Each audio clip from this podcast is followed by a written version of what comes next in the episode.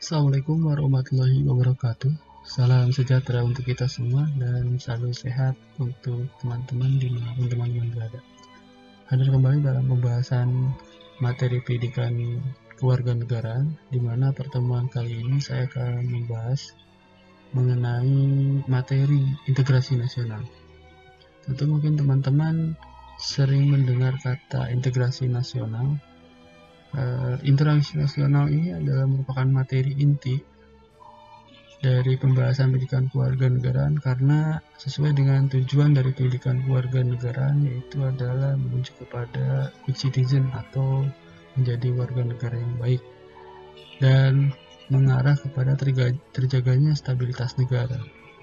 Dan di akhir pemaparan ini harapannya teman-teman semua bisa menguasai konsep mengenai nilai-nilai persatuan yang sejalan dengan sila ketiga yaitu Persatuan Indonesia.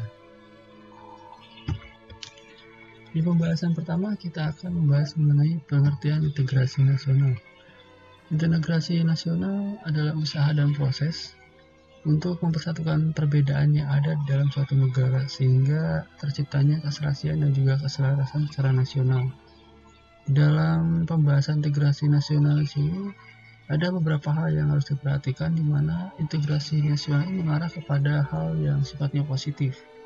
Karena dengan integrasi nasional bisa terciptanya keadaan di mana kita bisa memanfaatkan kekayaan alam serta e, mengelola budaya yang ada di dalam suatu negara untuk kesejahteraan rakyat. Selanjutnya faktor-faktor pendorong integrasi nasional. Di antara yang pertama di sini faktor sejarah yang menimbulkan rasa senasib dan sepenanggungan.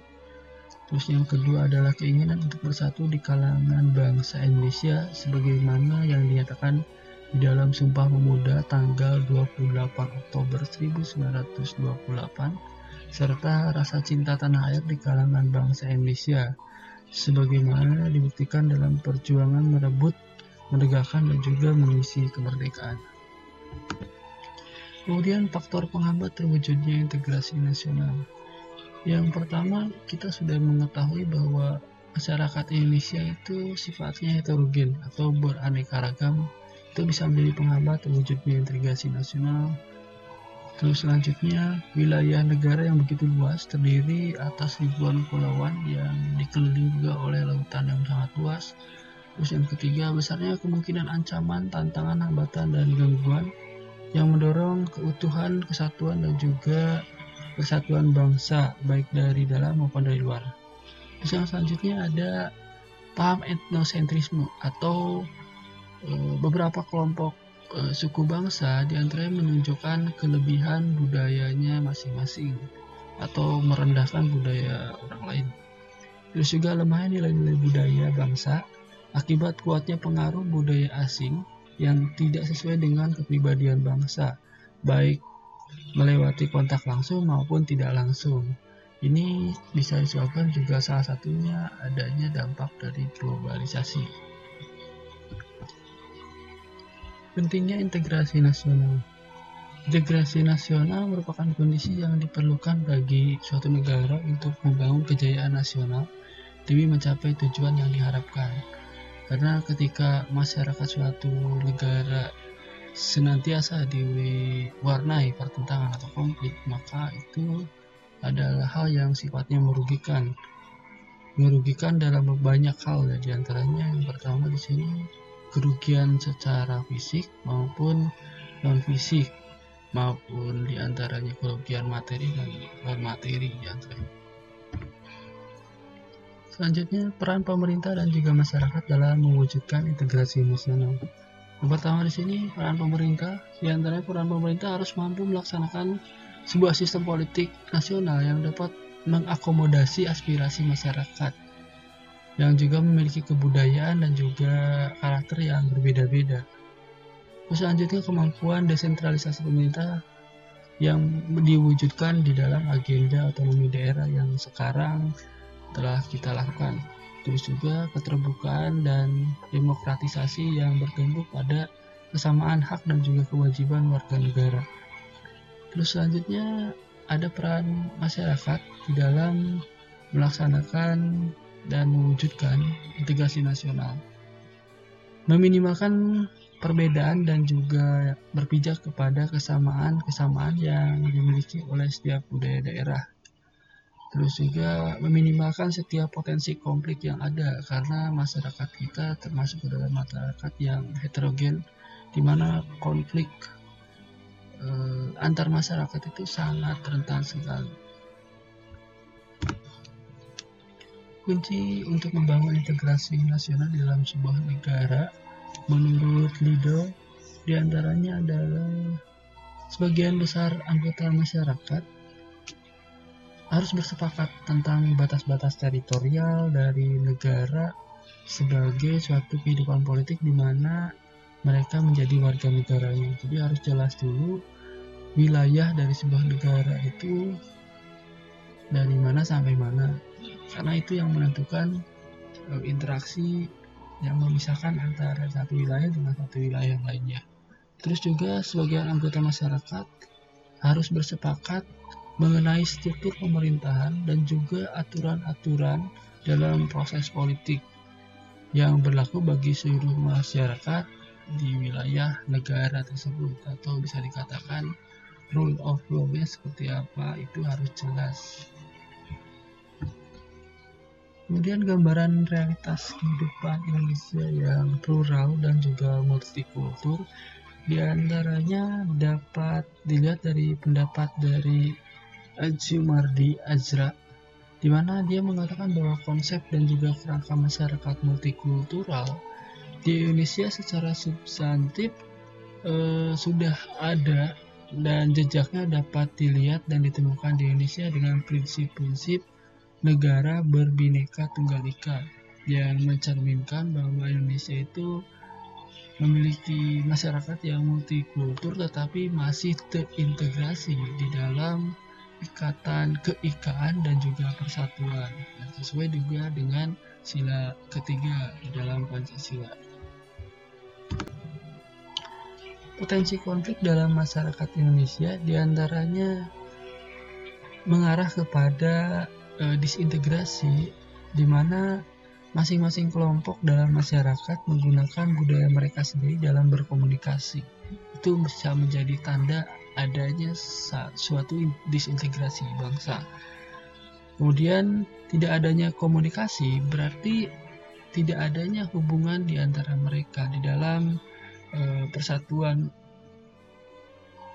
dan kemudian berakibat pada masyarakat majemuk ini mudah sekali muncul konflik dalam konteks pengelompokannya berdasarkan lintas primordial. Maka konflik yang dimaksud ialah konflik primordial atau konflik dari setiap kesekuan yang ada di wilayah suatu negara itu. Dalam potensi konflik bisa dikategorikan menjadi dua di antaranya ada faktor vertikal dan juga horizontal.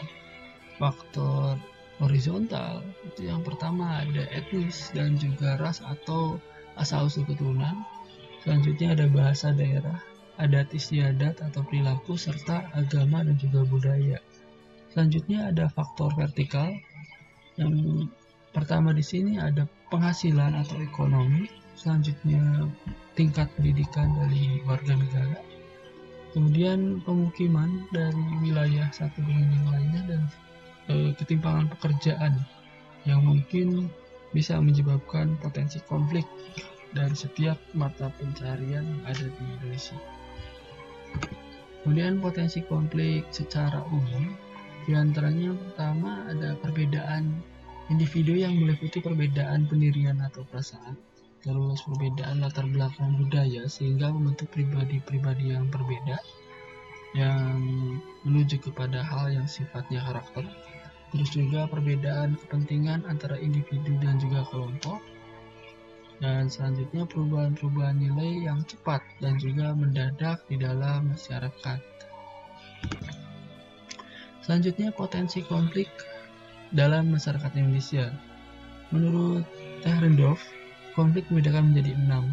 Di antara yang pertama ada konflik antara atau di dalam peran sosial intra pribadi misalkan antara peran-peran dalam keluarga atau profesi, konflik peran dari setiap warga negara. Terus juga konflik antara kelompok-kelompok sosial, misalkan contohnya ada keluarga, antar geng, serta antar kelompok, serta konflik kelompok sendiri bisa dibedakan menjadi dua, di antaranya ada kelompok yang terorganisir dan juga tidak terorganisir. Misalkan contohnya polisi melawan massa ataupun sebaliknya. Terus konflik antara satuan nasional, misalkan kampanye, perang saudara. Kemudian konflik antar atau tidak antar agama, bisa eh, antar agama ataupun bukan. Dan selanjutnya konflik antara lawan politik. Nah ini beberapa di antaranya macam-macam konflik yang disebutkan oleh Darndorf. Tadi kita sudah membahas mengenai macam-macam konflik, terus juga jenis-jenis konflik, pengertian konflik. Selanjutnya kita membahas mengenai bagaimana cara kita untuk menghindari konflik-konflik yang ada di wilayah negara kesatuan Republik Indonesia ini kita akan membahas mengenai strategi di dalam integrasi bangsa atau strategi di mana cara untuk melakukan menyatukan suatu bangsa dengan pemerintah serta wilayahnya. Yang harus diperhatikan di dalam menjaga integrasi nasional di dalam negara berkembang khususnya ada sebuah ikatan antar budaya yang pasti akan terjadi dalam sebuah negara.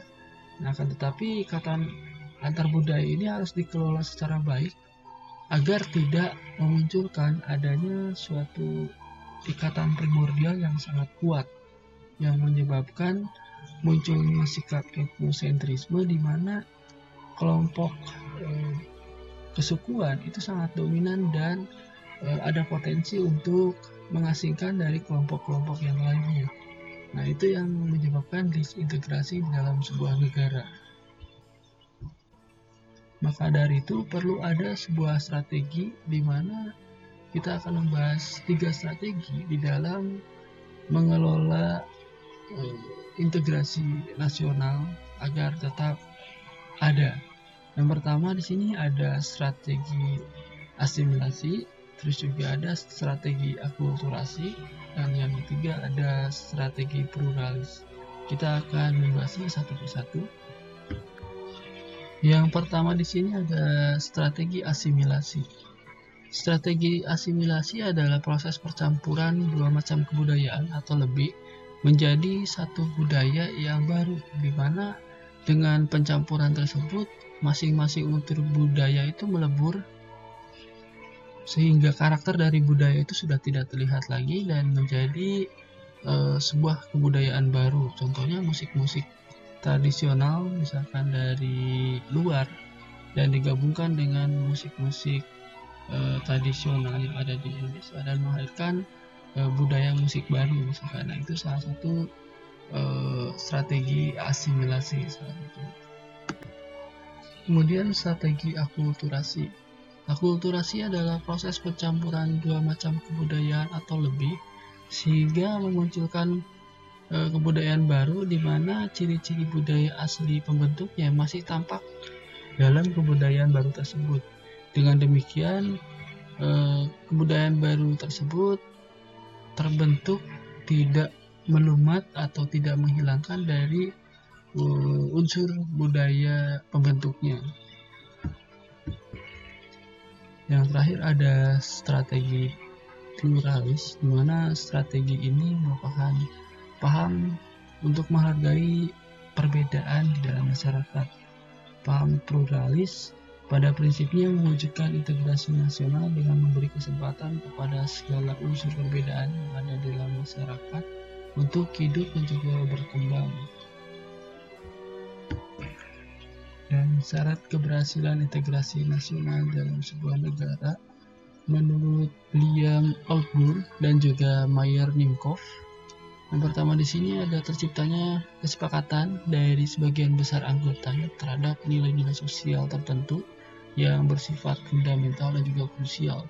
Kalau di Indonesia di warga negara dan juga pendiri bangsa sudah menyepakati adanya nilai-nilai fundamental kita di antaranya adalah di Pancasila. Terus juga sebagian besar anggotanya terhimpun di dalam e, berbagai unit sosial yang saling mengawasi dalam aspek-aspek sosial yang sifatnya potensial.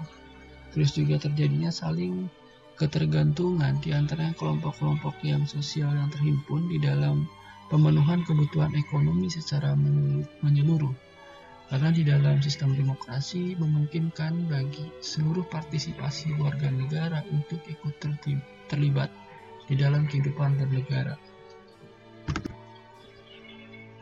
Demikian pembahasan mengenai materi integrasi nasional. Mudah-mudahan materi pembahasan eh, integrasi nasional ini bisa menjadi pegangan bagi teman-teman dalam Eh, menjalani kehidupan bernegara. Dengan berakhirnya pembahasan uh, materi integrasi nasional ini, saya tutup uh, pembahasan pendidikan keluarga negara kali ini. Wassalamualaikum warahmatullahi wabarakatuh.